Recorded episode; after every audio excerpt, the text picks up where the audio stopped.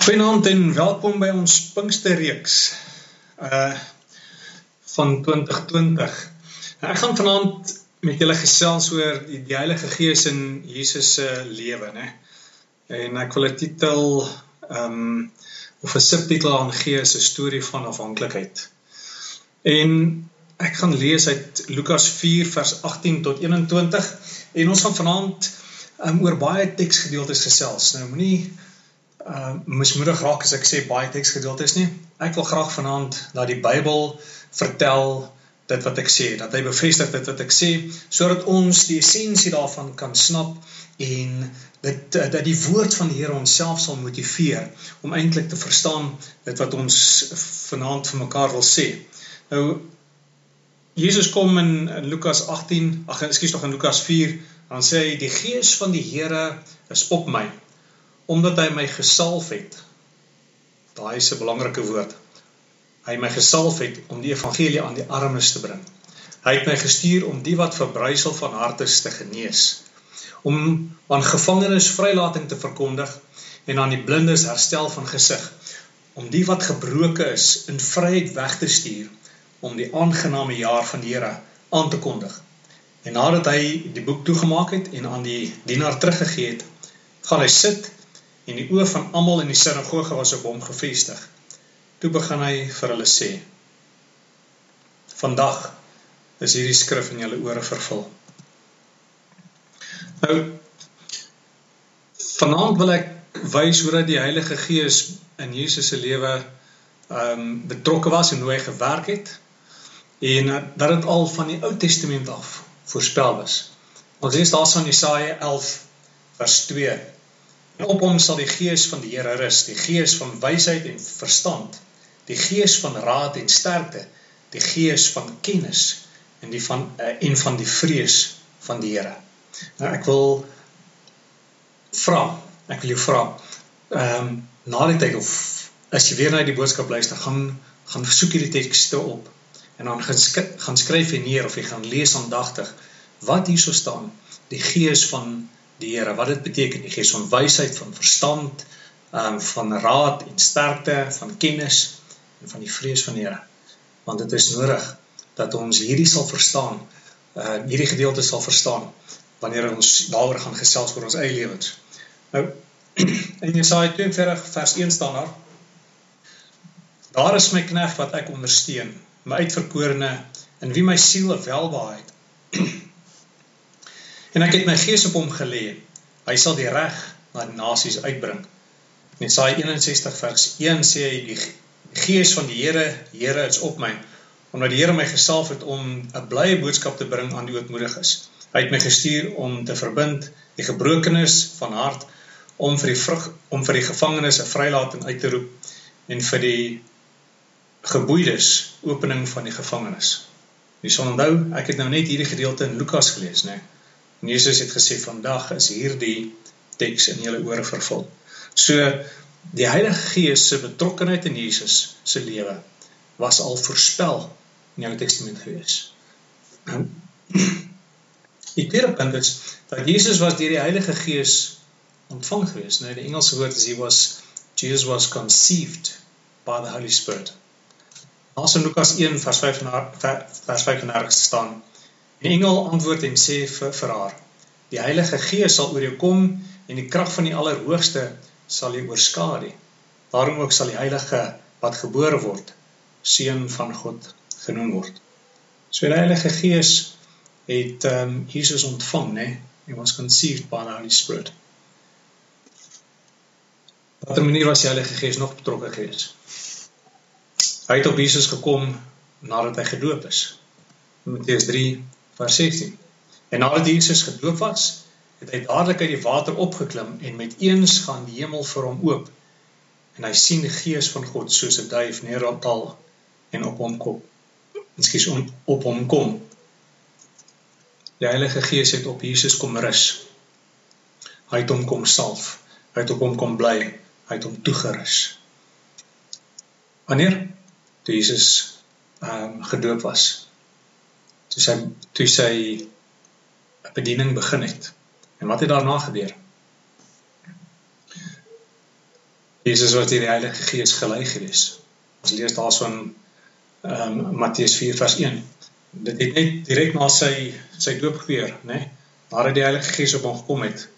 En daar so ons lees daar wat ons het daarvan gelees in hoofstuk 3 en dan lees ons in hoofstuk 4. Toe is Jesus deur die Gees weggelei die woestyn in om versoek te word deur die duiwel. Handeling 1 vers 1 en 2 sê die eerste verhaal, hierso is Lukas in die woord. Hy sê die eerste verhaal, eerste verhaal Theophilus het ek opgestel oor alles wat Jesus begin doen en leer het tot op die dag dat hy opgeneem is. Nadat hy aan die apostels wat hy uitverkies het deur die Heilige Gees bevele gegee het. So Jesus het nie uit homself uit geleer nie, hy het nie uit homself uit um, die apostels uh, uh opdragte gegee nie. Hy sê deur die Heilige Gees het hy hulle bevele gegee. So die Heilige Gees was op daardie manier betrokke in Jesus lewe. Hy het hom gelei. Jesus het hierdie krag van die Heilige Gees wonders gedoen. Matteus 12 vers 28 sê: "Maar as ek deur die Gees van God die duiwels uitdryf, dan het die koninkryk van God by julle gekom." Handelinge 10:38 sê: "Met betrekking tot Jesus van Nasaret, hoe God hom gesalf het met die Heilige Gees en met krag." Hy het die land deurgegaan, goed gedoen en almal genees wat onder die mag van die duiwel was, omdat God met hom was. Dit was die Heilige Gees wat Jesus in staat gestel het om wonders te doen. Jesus het geweet, um, al is hy God, al is hy die seun van God wat mens geword het, ek kan hy nie uit homself uit die dinge doen nie. Hoekom? Want hy, daar staan, hy het vir ons 'n voorbeeld kom wys van hoe ons moet wees. En as hy dan sê net soos dat hy in die wêreld was soos ons in hierdie wêreld, dan beteken dit ook dat ons op dieselfde manier net soos wat Jesus geleef het, dat ons gaan leef. So ons gaan ook nie uit onsself uit enigiets kan doen nie. Dis die Heilige Gees wat Jesus die krag gegee het om wonders te doen. Die Heilige Gees het Jesus uit die dood uit opgewek. Romeine 8:8 sê en as die Gees van hom wat Jesus uit die dood opgewek het in julle woon, dan sal hy wat Christus uit die dood uit die dode opgewek het, ook julle sterflike liggame lewend maak deur sy gees wat in julle woon. Ek dink daar kan enigiemand twyfel wees dat Jesus en ek sê dit in in aanhalingstekens afhanklik was van die Heilige Gees se betrokkeheid in sy lewe nie. Ons sê dat ons 'n drie-enige God aanbid. In die Bybel self verklaar dat God een is. Met ander woorde daar 'n noue band in en interaksie tussen die Vader en die Seun en die Heilige Gees is. Nou as in Genesis 1 vers 26 reg in die begin sien ons al hierdie interaksie. Hoe dat elkeen van hulle 'n deel was by die skepping. Hy sê God het gesê: "Laat ons mense maak na ons beeld en na ons gelykenis." Ons moet mense maak.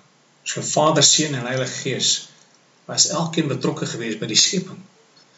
En daardie skepping van die mens was na die aard en na die beeld van van God gewees ook, nê. Nee, wel die sonde dit vernietig het en skade gebring het. Dis dit wat Jesus kom stel kom herstel het.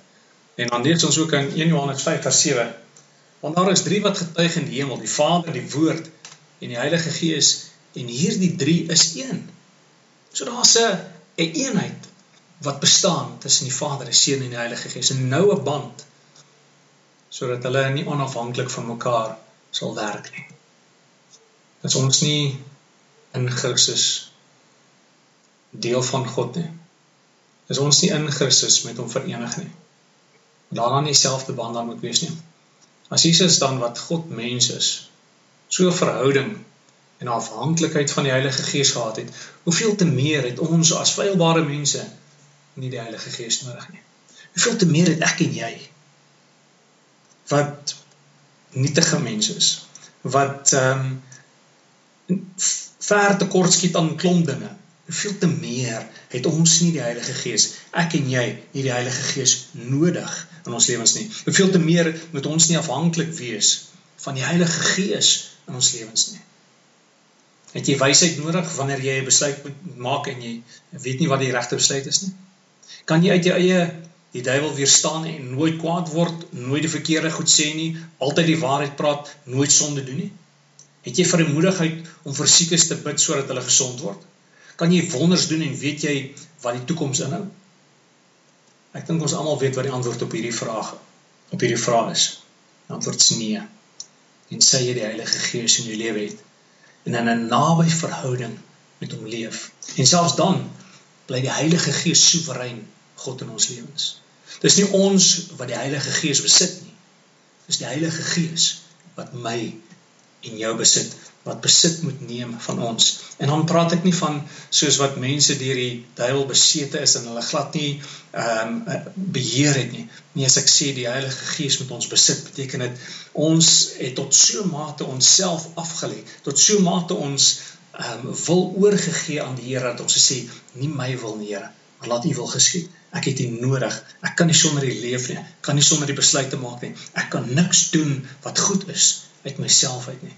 Ek het U nodig in my lewe.